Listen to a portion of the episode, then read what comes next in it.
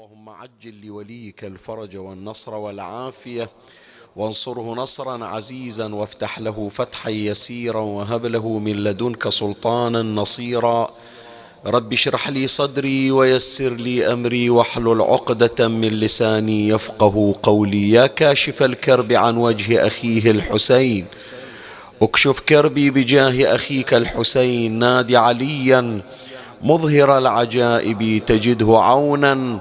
لك في النوائب كل هم وغم سينجلي بولايتك يا علي. يا علي يا علي يا أبا الغوث أغثني. يا فارس الحجاز أدركني بلطفك الخفي ولا تهلكني. يا مولاتي يا فاطمة بنت محمد أغيثيني يا سيدتي. صلى الله عليك يا سيدي ويا مولاي يا رسول الله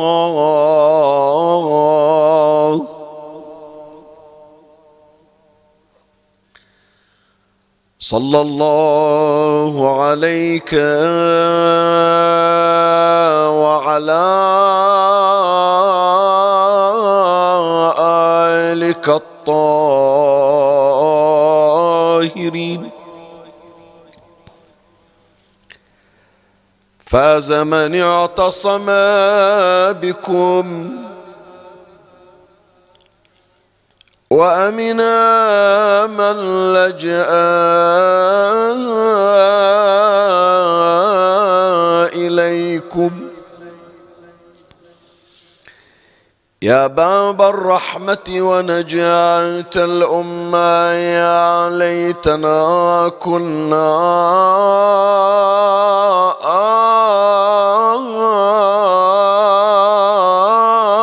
معكم. فنفوز فوزا عظيما يا غريب. يا مظلوم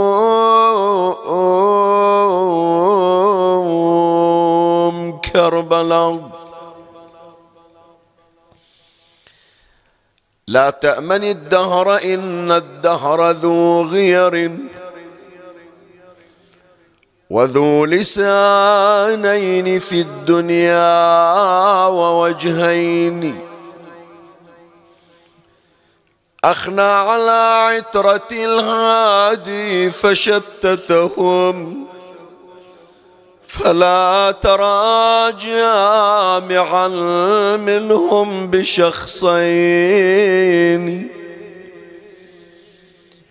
بعض بطيبة مدفون وبعضهم بكربلاء وبعض في الغريين.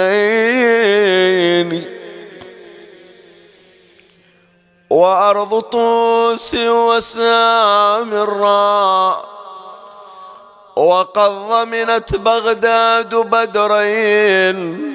حلا وسط قبرين.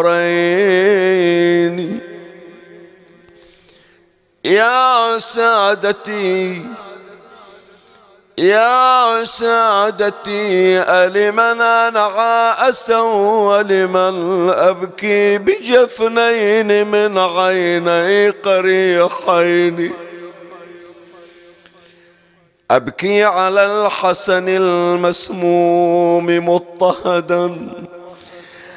أم للحسين لقل بين الخميسين أبكي عليه خضيب الشيب من دمه. أبكي عليه خضيب الشيب من دمه معفر الخد محزوز الوريدين أويلي مدرش جنيت ومدرش جنيت في دهركم يا أهل البيت. حتى رماكم بالفنا ويدي التشتي وش لك عليهم يا دهار حتى استوفيت وأنا ما أدري جنى وياك حتى ما أخذ قضاك. فرقت يا دهر الخنا عصبة الأمجاد. طيبة حوت الألبة وبرض الطاف الأولاد. وبرض الغريب منهم أسام الراء. وبغداد وحتى الرضا يا دهار وديته إلى هنا. أويلي ولا بلد ولا بلد إلا وفيها منهم رموس ولا بلد إلا وفيها منهم رموس وفيهم جماعة بكربلا دفنا بلا روس واعظم مصيبة المصيبة المدفون. في طوس يا رايح طوس حي الله محيا.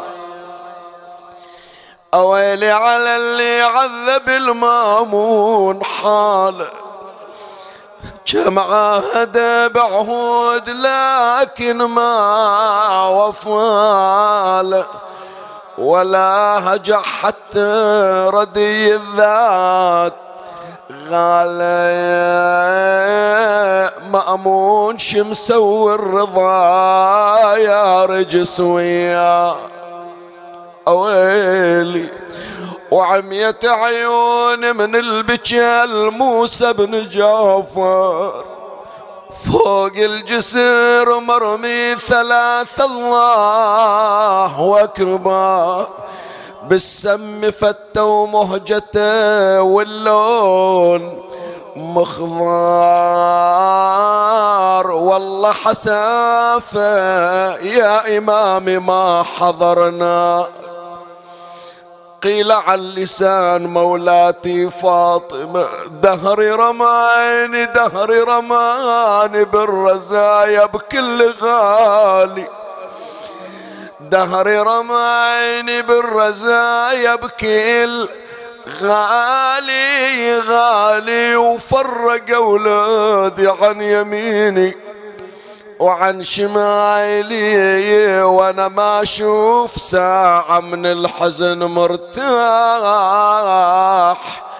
بالي وكل المصايب هونتها مصيبة حسين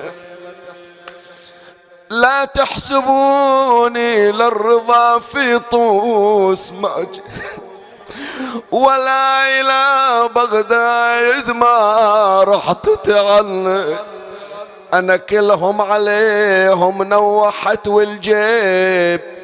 شقيت واعظم علي لون عناعي. ويلي ويلي منهم بسامرة ومنهم في خراسان. ومنهم برض طيبة ومنهم برض كوفان وأعظم علي مصيبة المذبوح. عطشان كل المصايب هوناتها مصيب. إنا لله وإنا إليه راجعون. وقد ورد في دعاء الندبة فقتل من قتل وسبي من سبي وأقصي من أقصي. وجرى القضاء لهم بما يرجى له حسن المثوبه إذ كانت الأرض لله يورثها من يشاء من عباده والعاقبة للمتقين. وسبحان ربنا إن كان وعد ربنا لمفعولا ولن يخلف الله وعده وهو العزيز الحكيم. فعلى الأطايب من أهل بيت محمد وعلي صلى الله عليهما وآلهما فليبكي الباكون وإياهم فليلدب النادبون ولمثلهم فلتذرف الدموع وليصرخ الصارخ ويضج الضاجون ويعج الغاجون أين الحسن؟ أين الحسين؟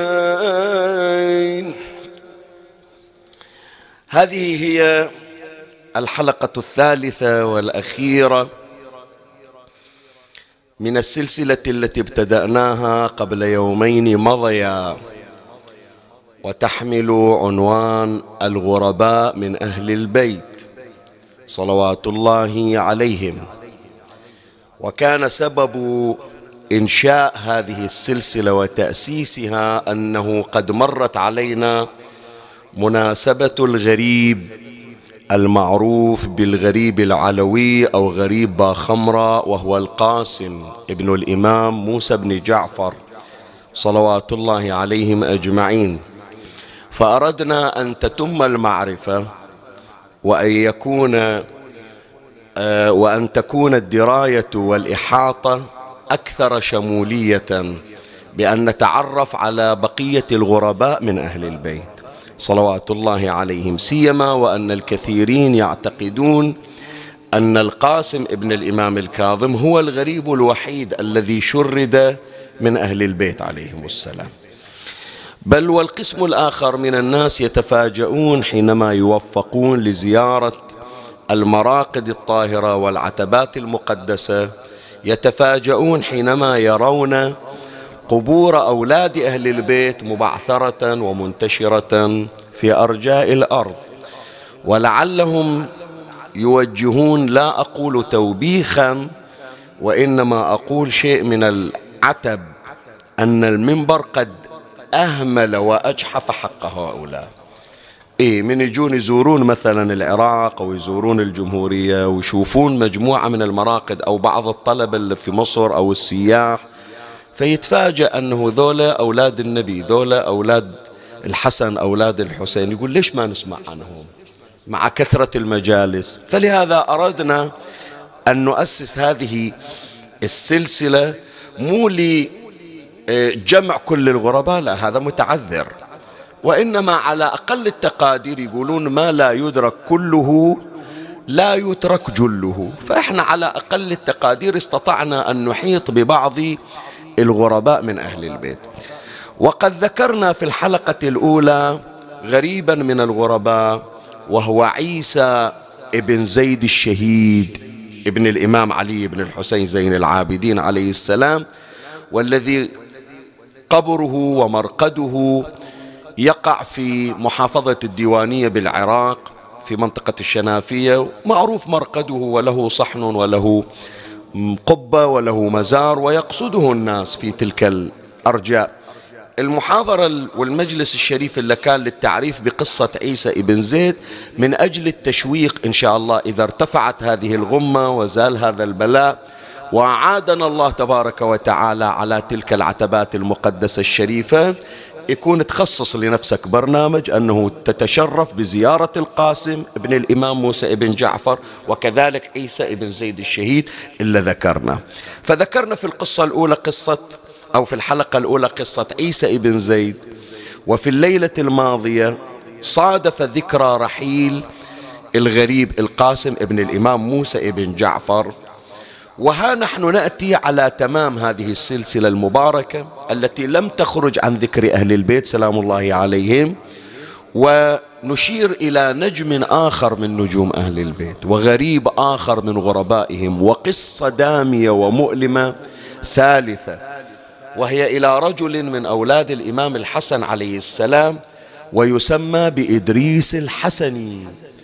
اللي تشوف جنابك الآن الأشراف والسادة من أولاد رسول الله في بلاد المغرب العربي كثيرون منهم إذا لم يكن غالبيتهم من أبناء إدريس الحسني وهو صاحب أول دولة شيعية تأسست في التاريخ الإسلامي. أي نعم هذا نفسه. يعني أنت تقول لي زين ودولة أمير المؤمنين؟ سلام الله عليه. دولة أمير المؤمنين حكومة أمير المؤمنين خمس سنوات ترى ما كان جاي أمير المؤمنين يريد يأسس دولة شيعية. لا تعامل مع سائر المسلمين بمختلف الأطياف. ولهذا كان موجود الطوائف الأخرى المذاهب الأخرى. بل محاولة كانت عند أمير المؤمنين سلام الله عليه في قضية تغيير صلاة التراويح. صلاة التراويح هذا موضع خلاف يعني. إخواننا أهل السنة في ليالي شهر رمضان عندهم من ضمن السنن اللي يعتمدون عليه وهم يقولون بأن هذه السنة جاءت عن الخليفة الثاني.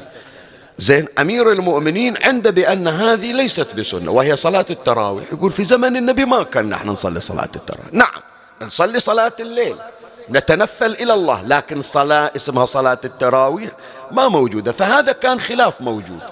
زين أمير المؤمنين عليه السلام في حكومته قال هذه كن نلغيها لأنها ما كانت في زمن النبي. الجماعة اللي موجودين هناك وهم على مذهب غير مذهب أمير المؤمنين سلام الله. قالوا ما نوافق قال على راحتكم صلوا تراويح براحتكم. فما كانت حكومة أمير المؤمنين يعني فرض الرأي الشيعي لا هذا مو موجود. وإنما كان حكومة إسلامية عامة تشمل جميع الأطياف وجميع المذاهب. هذا مجرد توضيح سريع وفي تفصيل وفي بحث أوسع من هذا بس إحنا جايبينه كإشارة. بس يقولون أن أول دولة شيعية تأسست في تاريخ الإسلام بحيث أن هذه الدولة هي دولة لأتباع أهل البيت بمذهب أهل البيت كانت في المغرب العربي المعروفة بالدولة الإدريسية أو دولة الأدارسة والتي أسسها هذا الشخص اللي راح نتكلم عنه الآن الليلة وهو أحد الغرباء. ويعني غرضي مو أنه أنا أبحث لك إيش سوى وإيش ما سوى وشنو إنجازاته؟ لا أنا كحلقة من هذه السلسلة أبين لك شلون أهل البيت تعرضوا للمظلومية.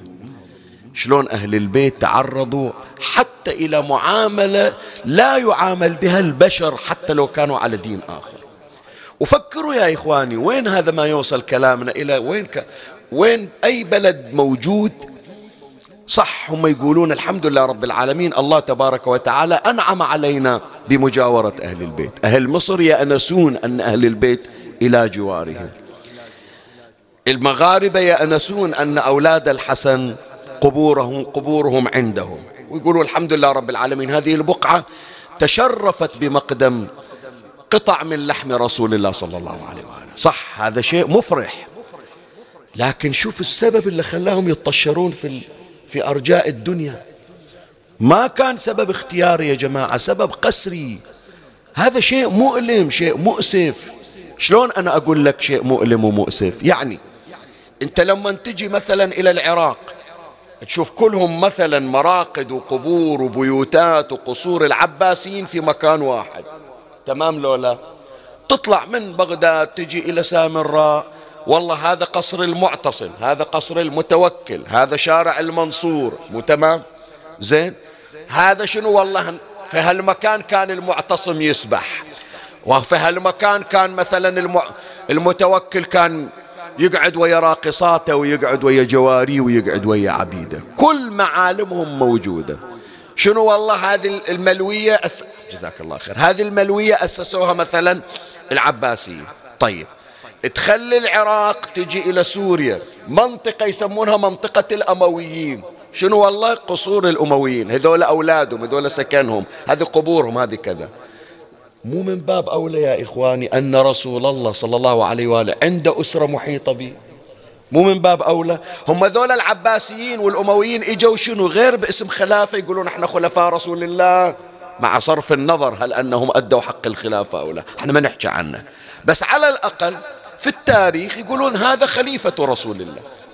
صدق كذب ما علينا من هالكلام. زين إذا كان خليفة رسول الله هذه قصوره وهذه بيوته وهذه مثلا كذا معالم سكناه هو ويا عائلته. طيب رسول الله وين هي أسرته؟ قول لي أولاده بناته وينهم؟ شو ودى أولاده أنهم يصيرون في مصر يصيرون في المغرب؟ يصيرون في أذربيجان يصيرون في إيران يصيرون في الهند. تروح إلى جزر نائية في البحر في باكستان أو في الهند جزر مي مسكونة. وإذا قبر في ذيك الجزيرة شنو قالوا؟ واحد من أولاد رسول الله عاش خايف إلى أن مات.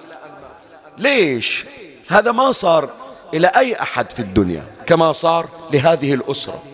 إلا فرض الله تبارك وتعالى مودتها ومحبتها في قلوب المسلمين. هذا جزاهم هذا جزاهم معالم رسول الله اليوم. ما تلقاها؟ أولاد رسول الله مطشرين.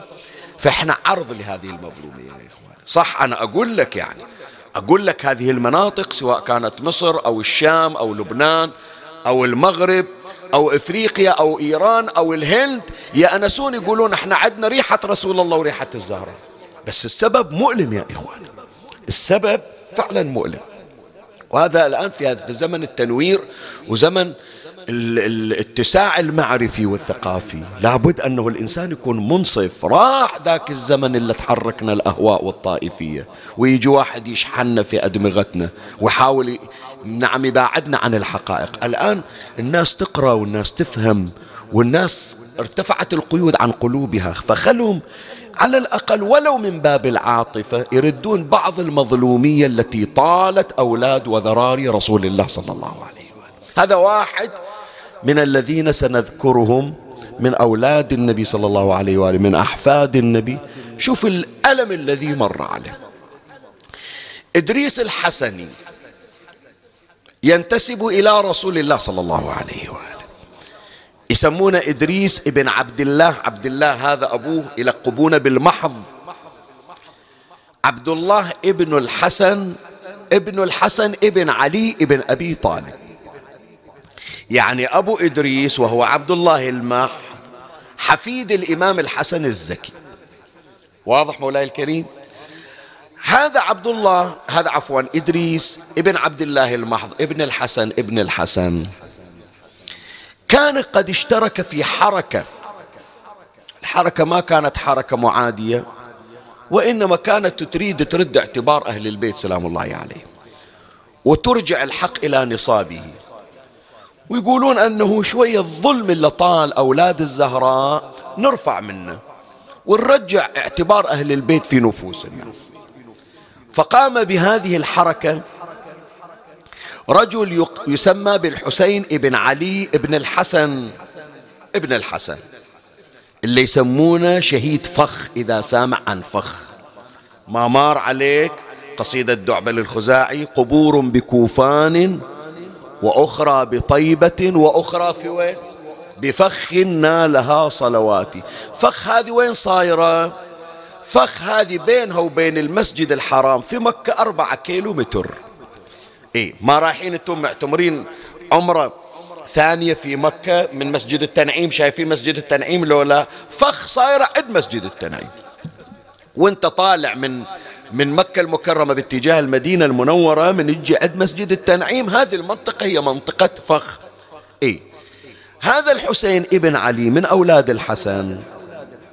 كان هدف بأنه يرجع حقوق أهل البيت. ومع الأسف يعني آه، السلطة العباسية قامت بمجزرة. شوف وقت المجزرة متى. ومكان المجزرة وين؟ ونوعية المجزرة ما هي؟ وقت المجزرة والمذبحة التي قام بها العباسيون يوم ثمانية ذو الحجة يوم التروية. شوف. زين. مكانها وين؟ على حدود الحرم بحيث ذول الحجاج اللي جايين يحرمون من التنعيم هم يغتسلون بالماء والدم يسيل تحت أقدامهم دم أولاد رسول الله. نوعية المذبحة نوعية المجزرة تقطعت فيها الرؤوس. زين انت قتلت خلاص خلي لا يقطع الرأس ثم يقطعه إربا إربا. يعني فرم فرم اللحم بالعظم. طيب خلصت من عنده حتى الآن هذا يجيبون الشخص المجرم يقيمون عليه القصاص مو تمام؟ يدفنونه لو ما يدفنونه؟ إذا جابوا شخص مجرم قاتل وعدموه وأقاموا عليه القصاص تالي مو يدفن. يدفن. القبور موجودة. تمام لو لا؟ أمر الخليفة العباسي آنذاك بأن تترك لحومهم تأكل منها السباع والطيور. ثلاثة أيام ثمانية وتسعة وعشرة يوم العيد الناس تطوف حول الكعبة والناس تعيد والطيور والسباع تأكل في لحم أولاد رسول شو تقول أنت؟ شو تقول؟ يعني أنا أسولف لك تقول هذا صحيح لو لا. فلهذا أهل البيت يقولون يعني لو إشارة راح يمر إن شاء الله علينا أنه الجرح الثاني بعد جرح الكربلاء جرح فخ هذه. هاي كربلاء الثانية يسمونها كربلاء الثانية. زين خلصتوا الرجال خلصتوا من الرجال. خلاص ما يخالف قولوا يستحقوا. النساء جابهم بعد؟ جيء ببنات رسول الله. إي والله. مسلبات مكشفات. داروا بيهم البلدان وجابوهم إلى المدينة ونثروهم في المدينة فصرنا تمشي بنات رسول الله سبايا في مدينة. إي والله إي والله يعني. إن شاء الله راح نمر عليه يعني في نهاية المطاف نهاية المجلس. راح نذكر هذه المجزرة المؤلمة شلون أذت أهل البيت يا جماعة. تدري هذه من قراها دعب التائية وأخرى بفخ خلى الإمام الرضا يبكي يبكي. لا تقول لي بس ديك الأيام لا. جرح فاخر أعاد عليهم مجزرة الحسين عليه السلام. بحيث الإمام سلام الله عليه الإمام الكاظم صار يبكي الإمام الرضا صار يبكي الإمام الجواد صار يذكرها ويبكي. زين ما بقي أحد من تلك المجزرة إلا تمكن من الهرب صار مستهدف وملاحق. يعني مو بس فقط في موقعة فاخ لا كل واحد إلى علاقة بهذه الموقعة بهذه الحركة صار مطلوبا لدى الدولة العباسية لا بد أن يلقى القبض عليه ويقتل ويمثل به وتعاد تلك المجزرة التي وقعت في فخ فكان من ضمن من ضمن الأعضاء الذين نجاهم الله تبارك وتعالى. والزمن كتب عليهم أن يهربوا ويبقوا متخفين. هذا اللي ذكرنا اسمه إدريس الحسني اللي هو إدريس ابن عبد الله الماحض ابن الحسن ابن الحسن. هذول اثنين إدريس وعنده أخو اسمه يحيى. شوية حط بالك للكلمة. هذول كانوا ويا الحسين ابن علي صاحب فخ ابن عمهم. واستطاعوا الإفلات ودروا بأنه الخلافة العباسية كانت تطلبهم لتنفيذ القتل فيه فاتفقوا هم الاثنين إدريس وأخوه يحيى. قال لأخويا ترى ويا بعض ما يصير العيش لأنه راح يدورونا وإحنا وجودنا اثنين راح يعلم يعطي علامة بأنه هم ذول المطلوبين. فقال له زين والحل شو تشوف؟ قال ماكو حل إلا أنه أنت تضرب أقصى المشرق وأنا أضرب أقصى المغرب. حتى إذا أكو استهداف يتشتت الانتباه. وين يدورونهم؟ ساعات يجي خبر فلان في المشرق ساعات فلان في المغرب ما يقدرون يحصلوني. فلهذا ذول الإخوان الاثنين شوف أولاد الزهرة إيش صار فيهم. واحد قصد أقصى المشرق وهو يحيى. يحيى وين وصل؟ وصل إلى الديلم. الديلم تعرف وين الديلم؟ الديلم أذربيجان اليوم. أذربيجان يعني شمال إيران. شوف وين صايرة؟ شوف أولاد النبي وين وصلوا؟ إيه. فلهذا الإمام الإمام زين العابدين عليه السلام من يذكر ما مر عليهم يقول كأننا أبناء ترك أو ديلم أو كابل. ليش جاب ترك وديلم وكابل؟ هذه الشمال الشمال الآسيوي. تركيا اجى عقبها قزوين والديلم اللي يسمونها الديلم قديما وأذربيجان كابول يعني أفغانستان. هذا كل الشمال. هذول من يجيبونهم ذاك الوقت عبيد سبايا يقول إحنا أولاد النبي صرنا آخرتنا. مثل ذول اللي يجيبونهم عبيد واسارى كأننا أبناء ترك أو ديلم أو كابول. تذكر كلمة الديلم. فهذا يحيى ابن عبد الله أخو إدريس. قصد إلى أقصى المشرق. وإجا واستقر في الديلم. وهذا إذا وفقنا إن شاء الله في مجلس آخر مو في السلسلة هذه السلسلة هذه تنتهي الليلة. نذكر قصة يحيى اللي يسمونه صاحب الديلم لأنه سكن هناك في ذيك المنطقة.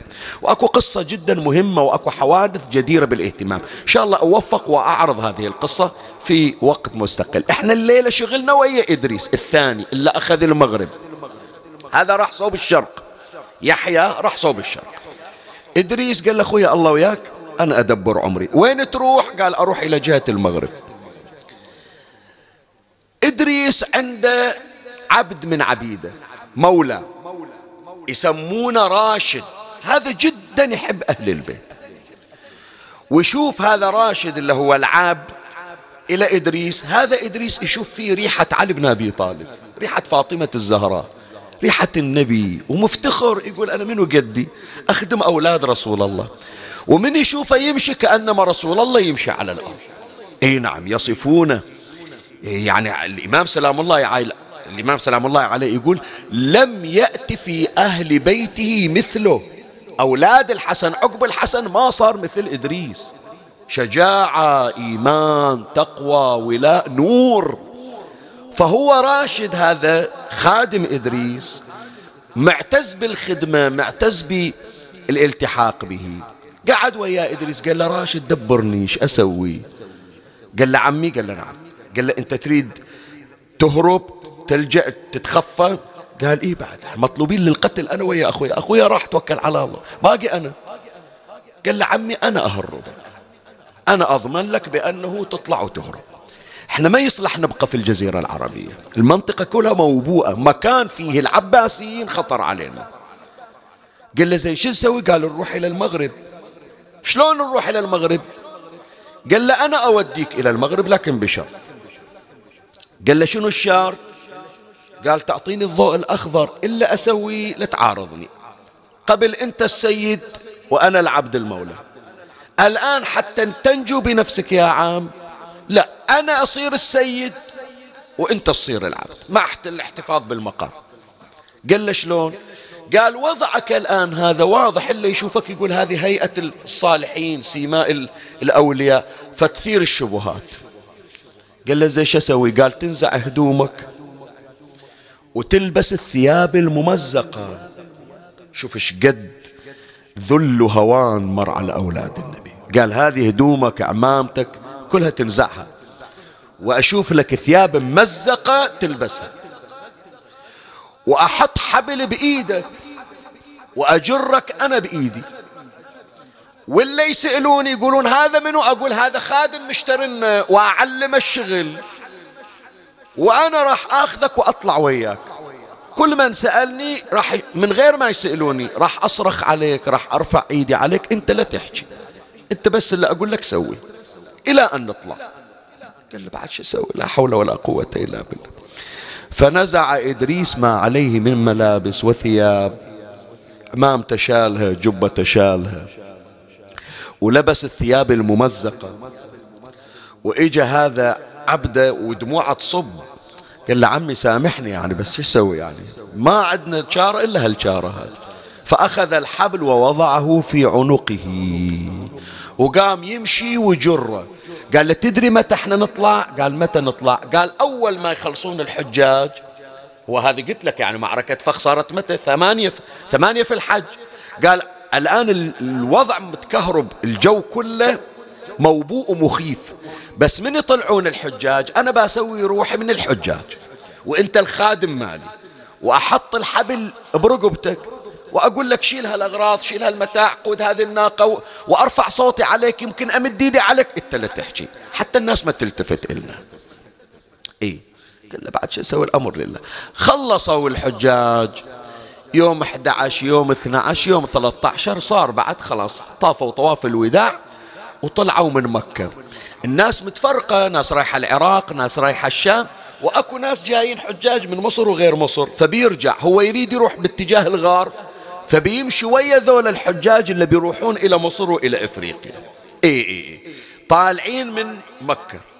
هو أخذ الحبل حطه برقبته ثيابه ممزقة ولك كذا مقصر أنت ما أدري شنو أنت كذا. يضربه. يشيل إيده ويضربه. يرفع شيل هالأغراض حط هالأغراض. الناس اللي تمر قالوا حجي خاف الله أنت توك مخلص حاج. حتى يكسب العاطفة يعني. انت توك مخلص حاج انت في بيت قال ما تدرون مأذني. وهو يجره حتى خرج من مكة ما حد التفت إليه. وإجا يقطع المسافات إلى أن وصل إلى ميناء ينبع. من ينبع؟ ركب في السفينة واتجه إلى القارة الإفريقية ونزل عند بلاد النوبة يعني جنوب مصر عند مصر والسودان. قال له عمي إحنا بس نوصل مصر أمنا ما دام إحنا في الجزيرة العربية خطر.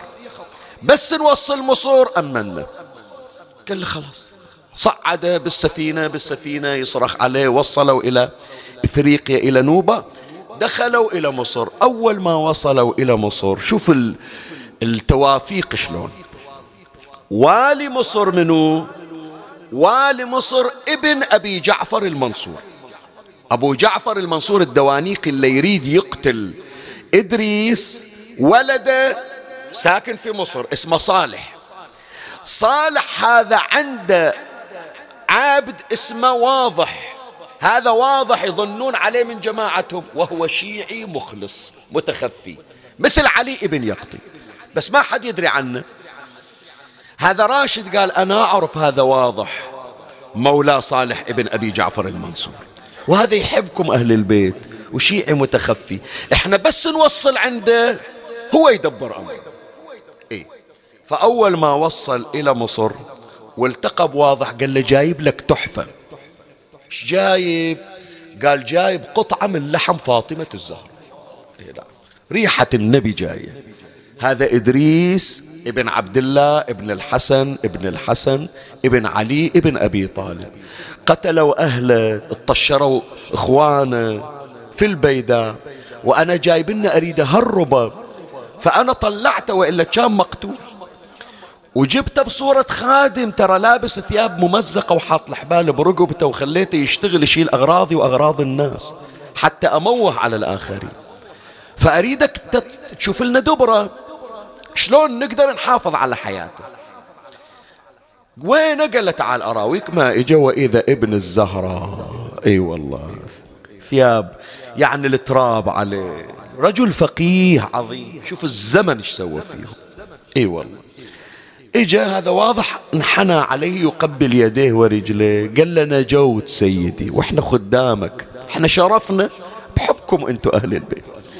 فراشد هذا عبد إدريس من إجا يحل الحبل من رقبة إدريس. دموع قال له عمي لو يا, يا ريت إيدي انقصت ولا مديتها عليك. لكن شو أسوي بعد؟ الأمر غصبا عني. قال له لا جزاك الله خير الجزاء يا راشد.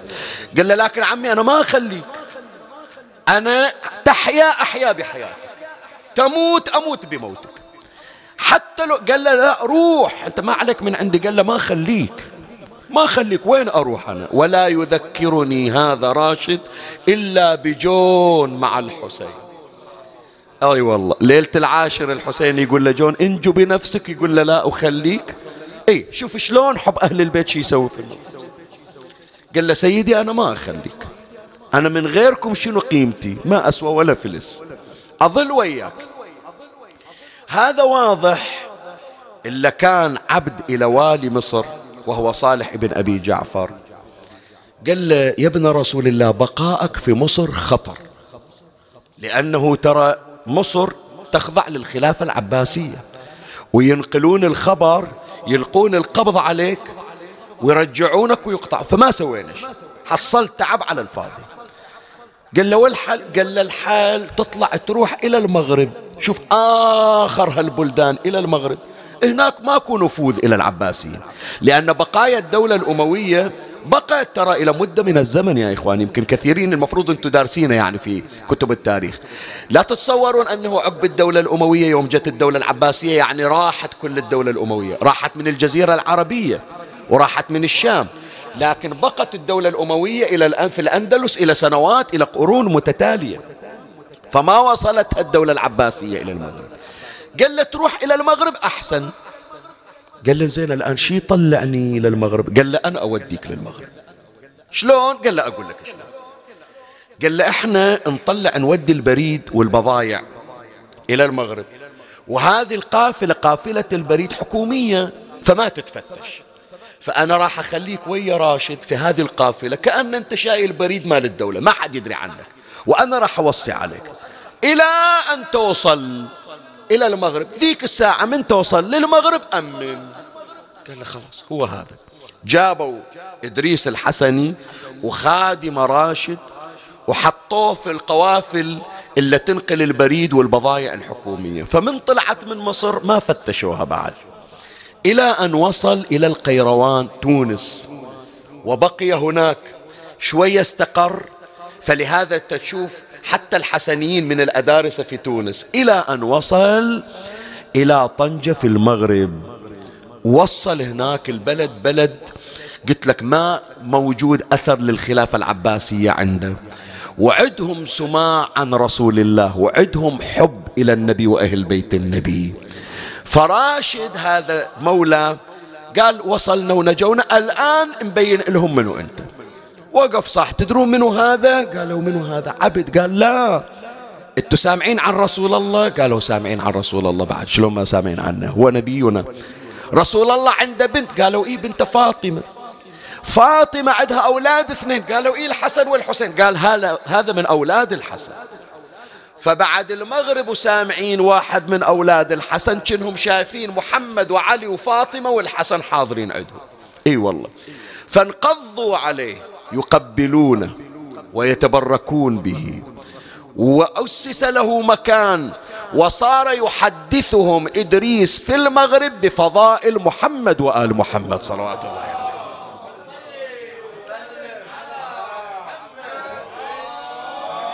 لاحظ إدريس الحسني بأن منطقة المغرب العربي الفتح اللي جاها إنت بالله عليك خبرني.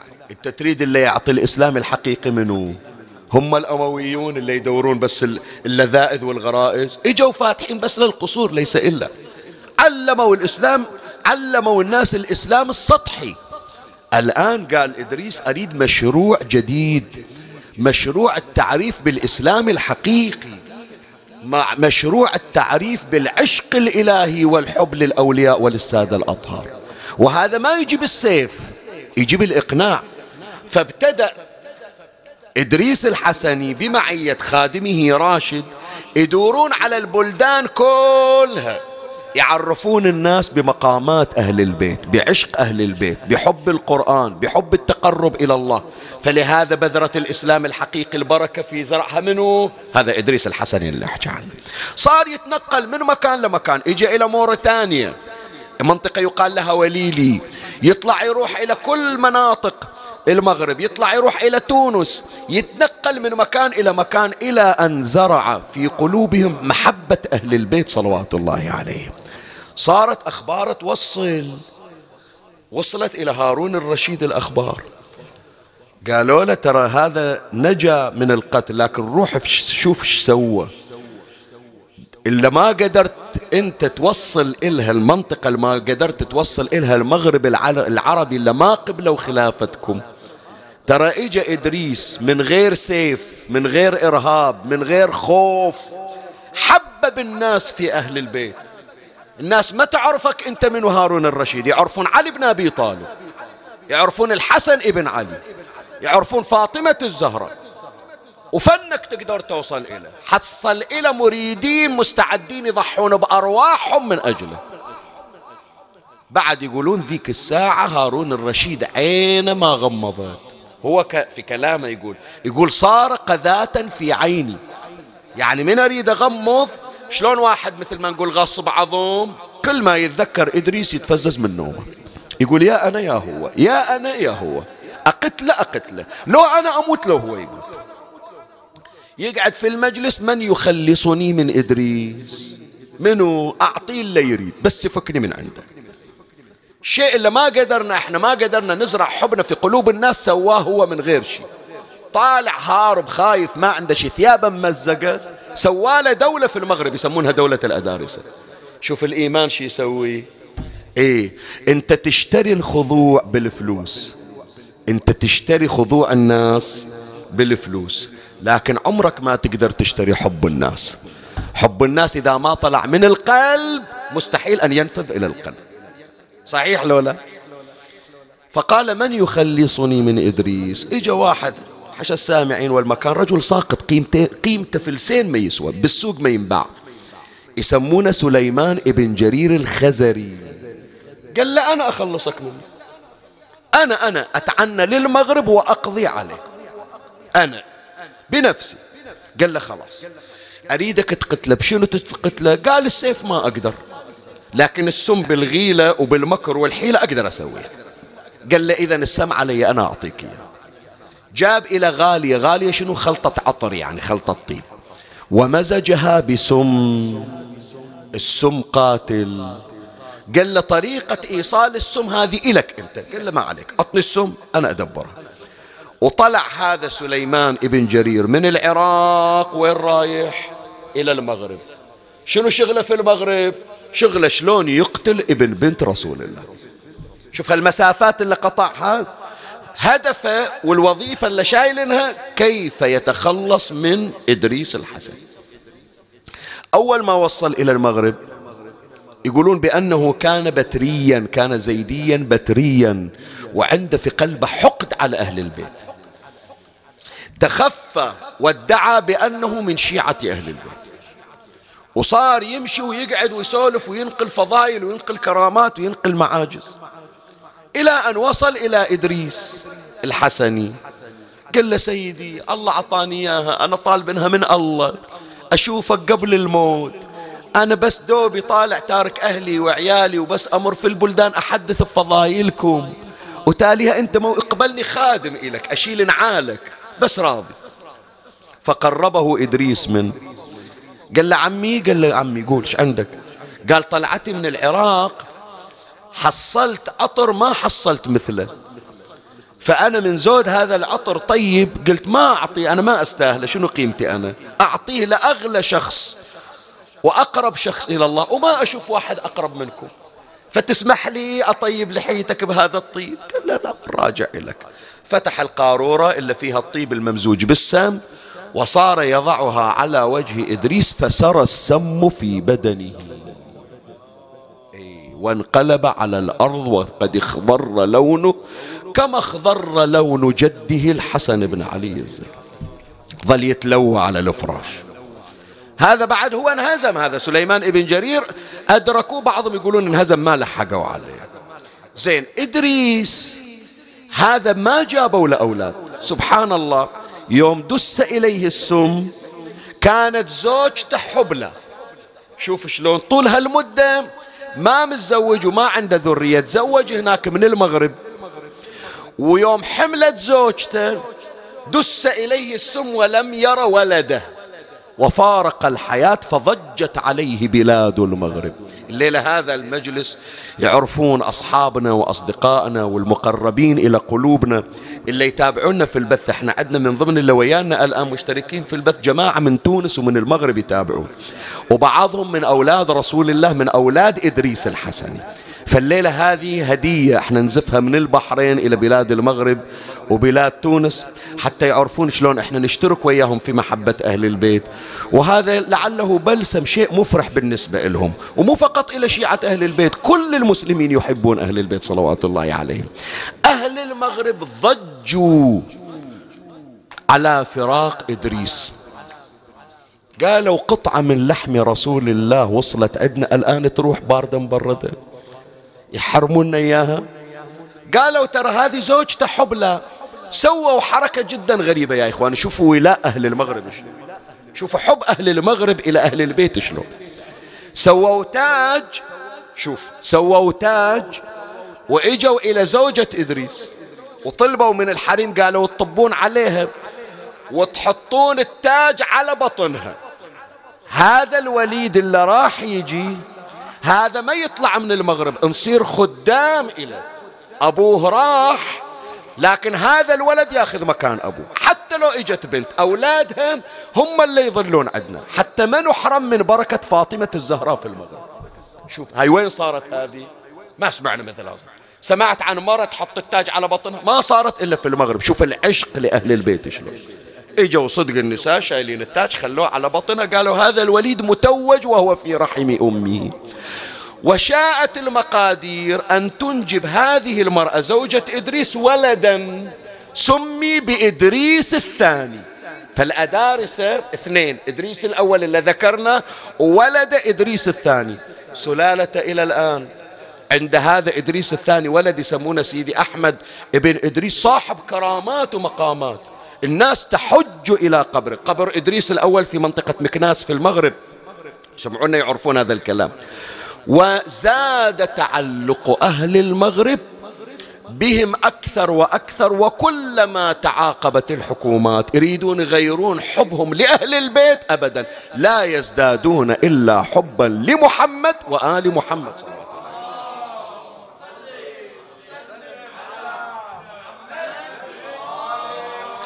أتمنى يا إخواني في هذا المجلس أن أكون قد وفقت لذكر قصة رجل غريب مع الأسف كثيرون منا لا يعلمون عنه شيء.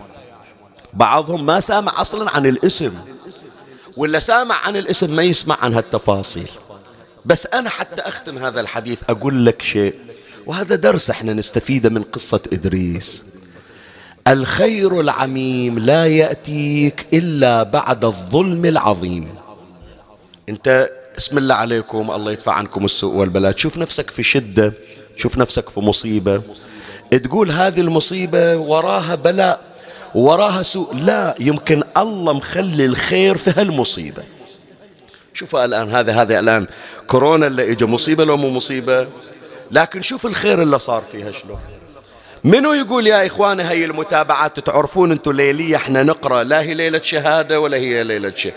عندنا سبعة آلاف عشرة آلاف اثنى عشر ألف. في بعض المجالس توصل إلى سبعة وثلاثين وأربعين ومئة ألف مشاهدين من كل مكان. هذا أنا قبل لا أجيكم. اتصالات من أستراليا اتصالات من أوروبا اتصالات من أمريكا. متابعين عندنا من روسيا. شوف العالم شلون تجمع على حب أهل البيت. صح هو مرض يمكن ذاك الوقت الناس منصرفة. لكن هالبلاء صار بوابة للخير. هذا الآن قصة إدريس اللي تسمع عنها. المغرب العربي كله صار محب إلى أهل البيت. وتولدت حكومات شيعية. الدولة الفاطمية إجت من وراء الأدارسة. تدري هذا إدريس شو وداه للمغرب؟ إلا وداه للمغرب قصة فخ. لو ما ذبحوا الحسين ابن علي ابن الحسن في فخ وتشردوا أهل البيت. كان ما صار سبب أنهم ينشرون محبة أهل البيت للمغرب وغير المغرب. صحيح لو لا؟ فهي مصيبة لكن جرت خير. التعويض الإلهي أكثر وأكثر. وإلا تدري هذه المصيبة مصيبة فخ سوت في قلوب أهل البيت؟ الله أكبر. يعني شيء مؤلم. وكان أكثر ألم دخل على واحد من أهل البيت على الإمام موسى ابن جعفر عليه السلام إيه؟ لأن الإمام سلام الله عليه الحسين ابن علي صاحب فخ رسل إلى قال له سيدي أنا ترى يوم جيتكم أنا يوم سويت هالحركة مو طالب في حكم أنا أنا ما أدور حكم وإنما يعز علي أشوف إيش صار بيكم ما أقبل. فأنا أريد أسلمكم الأمر. الإمام موسى ابن جعفر عليه السلام قال حسين سامحني يفتح علينا باب وإحنا نعرف هذا مو زمننا زمننا حتى يقوم قائمنا. عجل الله فرجه الشريف. الآن إحنا مأمورين بالتقية. قال له أنت تقدر تصبر أنا ما أقدر أصبر. فأنا على الأقل أسوي شيء. فلهذا يقولون بأن الإمام الكاظم عليه السلام كان مؤيدا للحسين صاحب فخ بالسر. بس قال له سامحني ما أقدر أدخل وياك بتحرك سياسي. فلما قتل الحسين ابن فخ شوف أرادوا يأذون الإمام الكاظم. تدري إيش سووا؟ جاءوا ببنات رسول الله. إيه بنات الحسن. إي مسلبات والحبال في أيديهم. ودخلوهم المدينة. ومروا بيهم على قبر رسول الله. يعني جل حلم الله. يعني حتى النبي في قبره ما مرتاح. حتى النبي بقبره ما مرتاح. طافوا بهن في المدينة ثم أوقفوا السبايا على باب دار الإمام موسى بن جعفر.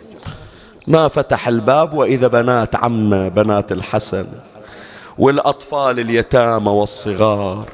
واقفات للتراب على ثيابهم مضروبات بالسياط موكوزات بكعوب الرماح. الإمام الكاظم من شاف هالمنظر جدا تألم جدا تألم فتح الباب قال ما عندهم هدموا بيوتهم. هدموا بيوتهم ما عندهم بيوت. قتلوا رجالهم هدموا بيوتهم. وإجوا مسلبات مسبيات. فالإمام قال عندي هذول بناتي وخواتي ولاد عمي بنات عمي عندي في البيت يظلوا. فصرنا بنات الرسالة من بعد واقعة فخ في حماية الإمام موسى الكاظم عليه السلام. الإمام الكاظم من يذكر الحسين صاحب فخ؟ يبكي وكان يذكر هذه الكلمة يسترجع ويقول إنا لله وإنا إليه راجعون. مضى والله مسلما صالحا صواما قواما آمرا بالمعروف ناهيا عن المنكر. ما كان في أهل بيته مثله. يعني في أولاد الحسن ماكو مثل الحسين صاحب الإمام سلام الله عليه الإمام الجواد عليه السلام يقول لم يكن لأهل البيت بعد الطف مصرع أعظم من فخ. خلاص عمي مجلسي بعد هالمقدار اكتفينا إحنا ساعة إلا خمسة إحنا قارين تدري هذا الحسين صاحب فخ اللي ذكرت لك عنه؟ اللي تركوا لحمه على التراب تأكله الطيور وتنهشه السباع. هذا أمة كانت موجودة. أمة يسمونها زينب بنت عبد الله المحض. أخت إدريس. هذه أمة زينب. وأبوه يسمونه علي الخير. هذول اثنينهم يسمونهم الزوج الصالح. وصل الخبر إلى أم زينب وكانت عابدة صوامة قوامة. قالوا لها ترى ابنك راح إخوانك راحوا. المشرد مشرد والمذبوح مذبوح. ما ظل أحد البيت كله اختلى ما عندها أحد نهائيا. فهي من سمعت يقولون عصبت رأسها بعصابة سوداء ولبست المسوح وفتحت القرآن وظلت بس شغلتها إلى أن ماتت تقرأ قرآن على أمواتها. بس اسمعوا ليش أقول هالكلمة. راح أقرأ الآن المصيبة بس أعطني هالمهلة هذه. أبوس إيدك حط بالك إيش أقول لك. يجون لها الحريم إلى زينب أم الحسين قتيل فخ يقولون لها زينب ادعي على المنصور وعلى ال... وعلى الرشيد على اللي سووه. شيلي إيدك أنت دعوتك مستجابة. مفجوعة مظلومة بنت رسول الله عابدة دعوتك مستجابة. ادعى عليهم. قالت لا أدعو عليه. آخذ حقي من عنده يوم القيامة. ليش؟ قالت أخاف إن دعوت عليه أن ينقص أجري في الدنيا. لكن ما أقول إلا كلمة واحدة حسبي الله ونعم الوكيل. اختل البيت من أهلي. لا زوج لا أخوان لا أولاد لا عشيرة لا قبور عندي أوصل إلها. أخلي الغبنة بصدري وأخلي الدمعة على خدي. وأقرأ قرآن وأقول حسبي الله ونعم الوكيل. فلهذا يقولون ما مرت علينا امرأة مثل هالمرأة. ينذبح ولدها وتفقد زوجها وفوق هذا إلى هالدرجة من الصبر.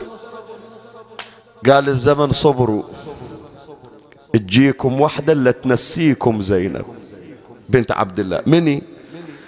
قال تجيكم وحدة صدق مو من أهل البيت لكن صارت عزيزة الحسين. وإذا زينب بنت عبد الله المحض فقدت واحد مثل الحسين صاحب فخ فالرباب عزيزة الحسين فقدت حسين ابن فاطمة. ظلت قاعدة ما سمعوا من عدها تشتم أحد ولا ترفع صوتها على أحد. بحيث يا جماعة ويعز على الغيارة. يوم دخلوهم المجلس إلا كان موجود في المجلس قاتل الحسين سمع حكي كل الناس.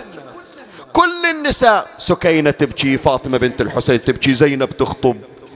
شاف واحدة بس قاعدة ومنكسة راسها ما تحكي. قال مني هذه؟ قالوا له هذه الرباب عزيزة الحسين.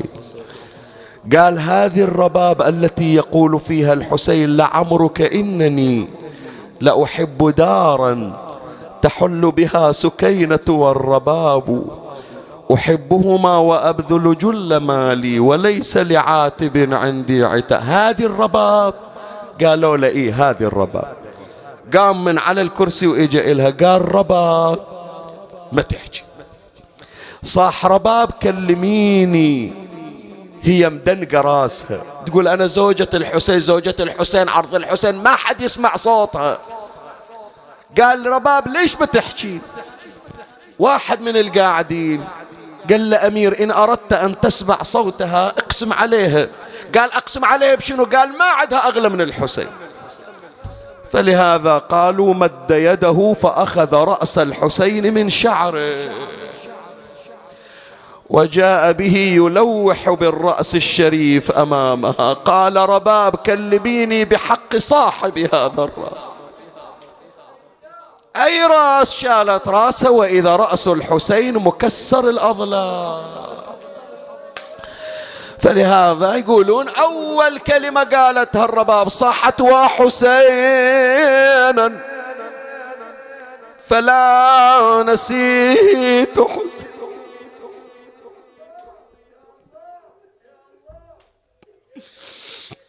يعني تقول له كان ما انتكف وتسمع صوتي. لكن اللي خلى صوتي يطلع هالراس المقطوع اللي تشوف. ولما رجعت الرباب إلى المدينة ودخلت إلى الدار ورأت الدار خالية أمرت البنائين بأن يقلعوا سقف المنزل. إجا واحد إلى الإمام زين العابدين قال له سيدي أنتوا أهل بيت الرحمة. أنتوا ما تزدادون على المسيء إلا إحسانا. وهذه خدامتكم مقعدينها في الشمس ليش؟ حتى لو اليوم رفعت صوتها ما قصرت في العمل بس ما يخالف مو هالعقوبة القاسية هذه ما يسوونها أهل البيت. قال إحنا ما نقعد خدمنا في الشمس. مني؟ قال هذه هذه شوفها. هذه اللي قاعدة في الشمس والشمس نازلة على راسها. زين سيدي إذا تستحق العقوبة ما يخالف عقبة. بعد هالبنية الصغيرة مقعدتنها بحضنها وياها ليش؟ قال يا أبا حمزة ما هي بخادمة؟ من هذه؟ قال هذه الرباب عزيزة الحسين. الرباب شو مقعدنها بنت الملك بالشمس؟ قال آلت على نفسها ألا تستظل بظل بيت بعد أن رأت حسينا مقلوبا على وجهه تصهره الشمس بحرارتها وهي تبكي وتقول إن الذي كان نورا يستضاء به بكربلاء صريع غير مدفون. صبط اللبي جزاك الله صالحة. عنا وجنبت خسران موازيني. والله لا أبتغي صهرا بصهركم حتى أوسد بين الرمل والطين. يا غائبا عن أهله أتعود أم تبقى إلى يوم المغاد؟ مغيبة يا ليت غايبنا يعود لأهل. هيهات. اللي عنده غايب الله يفرح قلبه برجعة الغايب. يا ليت غائبنا يعود لأهله فأقول أهلا بالحبيب ومرحبا. الليلة شوية الونة تختلف. اي الونة الليلة تختلف عن كل ليلة. أحكي ويا الزوجات الأرامل اللي تحس بالكثيرة من عقب زوجها. اللي يوم واحد من أولادها يمكن يرفع صوته أو واحد أجنبي يرفع صوته تقول والله لو أبو فلان موجود ما أنت كفو ترفع صوتك عليه خلي نشوف لسان حال الرباب شو تقول. ما أدري ليش المجلس الليلة كثيرته غير عن كل ليلة. اسمع الرباب شو تقول. تحكي ويا الحسين. عاشرتك سنين وعشت وياك وغير الطيبة بد ما شفت منك. يا المعود عيوني بشوفتك ليش تريد تروح تعمي عيوني جنك؟ خلي أسولف لك أبو علي أذكرك اشمر علي من مصايب. ودعت اليتامى صغار وكبار. وأنا اجيت ويا النساء لما اجنك. يا ابو علي وذبحني المستحر تختلي وياك. وودعك مو مثل ما ودعنك. ابو علي أنا زوجتك أنا مرتك. كل وحدة تودعهم وداع جماعي بس أنا من حقي أصير وياك بخلوة. ما خليتني أقعد وياك بروحنا يا حسين. ودعت اليتامى صغار وكبار وأنا إجيت ويا النساء لما إجنك. وذبحني المستحر التختلي وياك وودعك مو مثل ما ودعنك. إيش سويتي؟ رباب إيش سويتي؟ قالت وجيت أمشي إليك بظلمة الليل. ما تعطيني مهلة شوي اصبر على الونة حتى تبكي أكثر. إجيت أمشي إليك بظلمة الليل وشفتك بس جسد لا رأس لن ارحم روحك ارحم روحك شوية. أنا إجيت أمشي إليك بظلمة الليل. وشفتك بس جسد لا رأس. لنك لنك لنك. يا أبو علي من نحرك أريد أن تحكي ويا. ما تعطيني مهلة. تقول له أنت حكيت ويا زينب من نحرك وحكيت ويا سكينة من نحرك. أنا خادمتكم بس عطني بعد هالمنحة يا أبو علي. من نحرك أريدك تحكي وياي. بعبد الله الرضيع حل فنك. اسمعني يا أبو علي أنا مالو من رقية تموت عالراس ما تلام رقية. ليش؟ أنا مالو من رقية تموت عالراس الشفايف يابسة ومكسور سنك يا أبو علي. إيش هالمجلس هذا الليلة؟ إيش هالمجلس؟ عاشر الليلة صار. كنا فاطمة الزهرة قاعدة ويانا. اتوين والنسوان يونون على ونتها. وزينب إجت لها رباب قومي. زي رباب قومي كسرت قلوبنا من موت وياك ترى. زينب تناديها تقومي بهاليتيمة تموتون من حر الشمس والله عظيمة قالت عقب ذبح الولي وذبحة فطيمة لهجر يعز الحرم بيتي واغلق الباب. كل واحد عنده عزيز إلى الآن يتذكره مو قادر ينساه. خله يقرأ مثل ما قرأت الرباب. ما يغيب عن عيني خيالك يا حبيبي.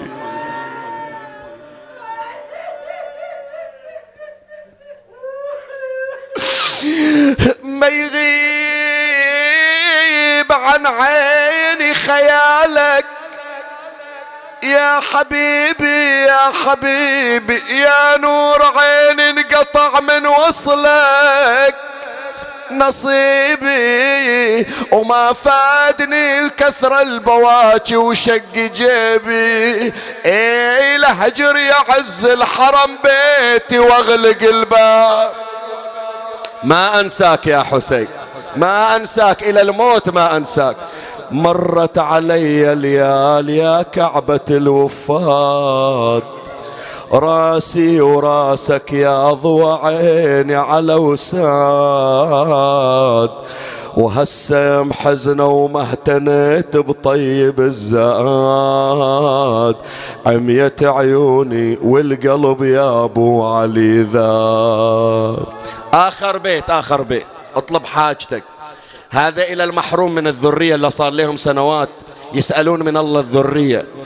كان زينب تقول لها رباب شو مسهرنك إلى هالحزة؟ كلنا ننام إلا أنت ما تنامين. ليش يا رباب؟ صاحت أفز بالليل مرعوبة وهزا للمهد بيدي. بنص الليل يا زينب حسبالي بكى وليدي. بعد أسمع ونته وبواجيه يما قالوا لي قالوا لي على صدر حسين نايم يا بعد عمري. ارحم روحك سيد عاد ارحم روحك شوية. تقول لها ليلى أنت عند وليدك قبر رملة أنت عند وليدك قبر. كلكم عند ولاداتكم قبر. أم البنين عندك قبور الأولادك. أنا وين قبر ولادي قالوا لي على صدر حسين نايم يا بعد عمري. يما الحسين انكسر صدره بحطك على صدر. بالأمس كانوا معي. واليوم قد رحلوا وخلفوا في سويد القلب نيرانا نذر علي لئن عادوا وإن رجعوا لأزرعن طريق الطاف ريحانا أثار أثار الولد يا ناس غالي. غالي يا محلاه يضحك في الليالي. يما أنا أدورا على يميني على يميني وشمالي وهزا بالمهد والمهد.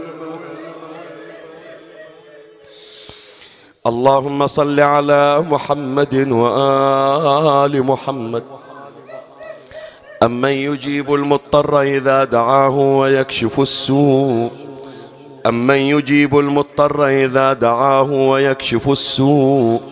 أمن يجيب المضطر إذا دعاه ويكشف السوء؟ يا الله باسمك العظيم الأعظم الأعظم الأعز الأجل الأكرم بك يا الله بمحمد بعلي بفاطمة بالحسن بالحسين. بعلي بمحمد بجعفر بموسى بعلي بمحمد بعلي بالحسن بالحجة ابن الحسن بجاه مولاتنا أم البنين بجاه أبي الفضل العباس ناصر الحسين. اقض حوائجنا يا الله. قدموا حوائجكم أينما كنتم. اذكروا المرضى اذكروا أصحاب الحوائج. كل من سألونا الدعاء وسألوكم اطلبوا لهم. اسألوا الدعاء اطلبوا الدعاء لصاحب الدار لصاحب المجلس للمؤمنين للمحتاجين للمرضى لكل متعسر لأولادنا لبناتنا للأمور العالقة. بسم الله الرحمن الرحيم اللهم إني أقسم عليك بجاه فاطمة وأبيها وبعلها وبنيها والسر المستودع فيها عدد ما أحاط به علمك وأحصاه كتابك أن تمن على من دعوناك لأجلهم بشفاء لا سقم بعده وبعافية لا بلاء بعدها اللهم فرح المرضى بسلامتهم وفرح ذويهم بعافيتهم وترحم على أمواتي وأموات الباذلين والسامعين والمؤمنين في مشارق الأرض ومغاربها. أوصل لهم ثواب هذا المجلس الشريف. اللهم عجل فرج إمامنا صاحب العصر والزمان. شرفنا برؤيته وارزقنا شرف خدمته. اللهم ارزقنا رضاه. وارزقنا نظرة منه لا نشقى بعدها أبدا. تبيض وجوهنا عنده. أوصل له يا ربي ثواب هذا المجلس وثواب الفاتحة مع الصلوات.